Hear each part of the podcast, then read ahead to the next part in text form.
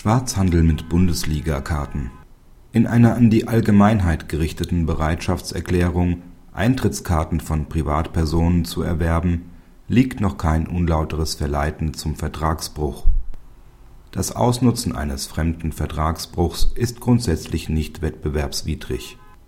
Der erste Zivilsenat des BGH hatte darüber zu entscheiden, ob der Hamburger Sportverein verhindern kann dass von ihm nicht autorisierte Händler Eintrittskarten für Heimspiele des HSV anbieten.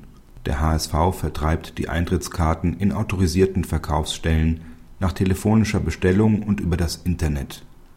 Nach Nummer 2 der AGB für den Kartenverkauf sagt der Erwerber verbindlich zu, die Eintrittskarten ausschließlich für private Zwecke zu nutzen.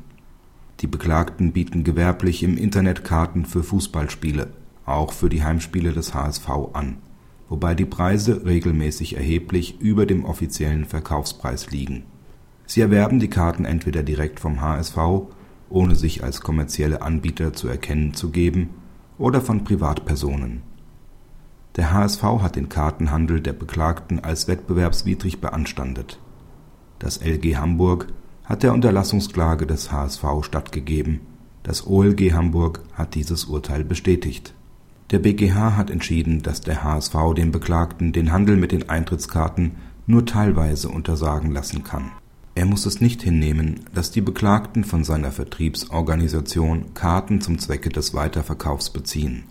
Er kann dem Beklagten aber nicht den Handel mit Eintrittskarten verbieten, die sie von Privatpersonen erworben haben.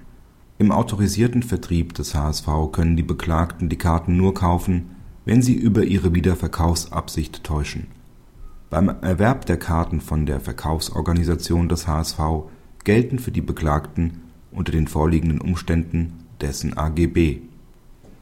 Der HSV hatte dem Beklagten seine AGB im Zuge einer Abmahnung unter ausdrücklichem Hinweis darauf übersandt, dass eine Abgabe von Karten an Wiederverkäufer ausgeschlossen sei.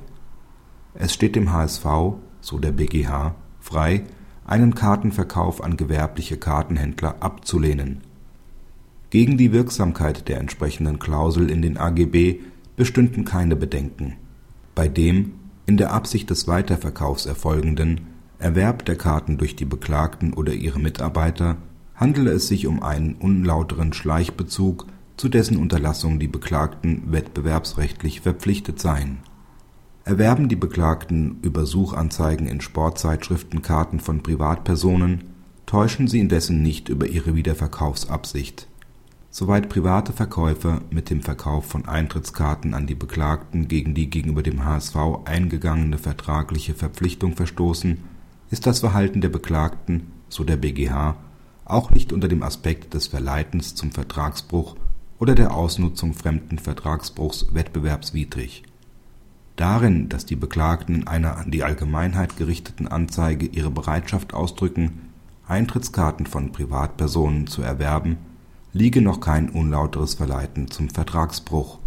Das Ausnutzen eines fremden Vertragsbruchs sei grundsätzlich nicht wettbewerbswidrig. Es sei nicht Aufgabe eines Dritten, für die Einhaltung vertraglicher Abreden zu sorgen, die der HSV mit den Käufern von Eintrittskarten schließe.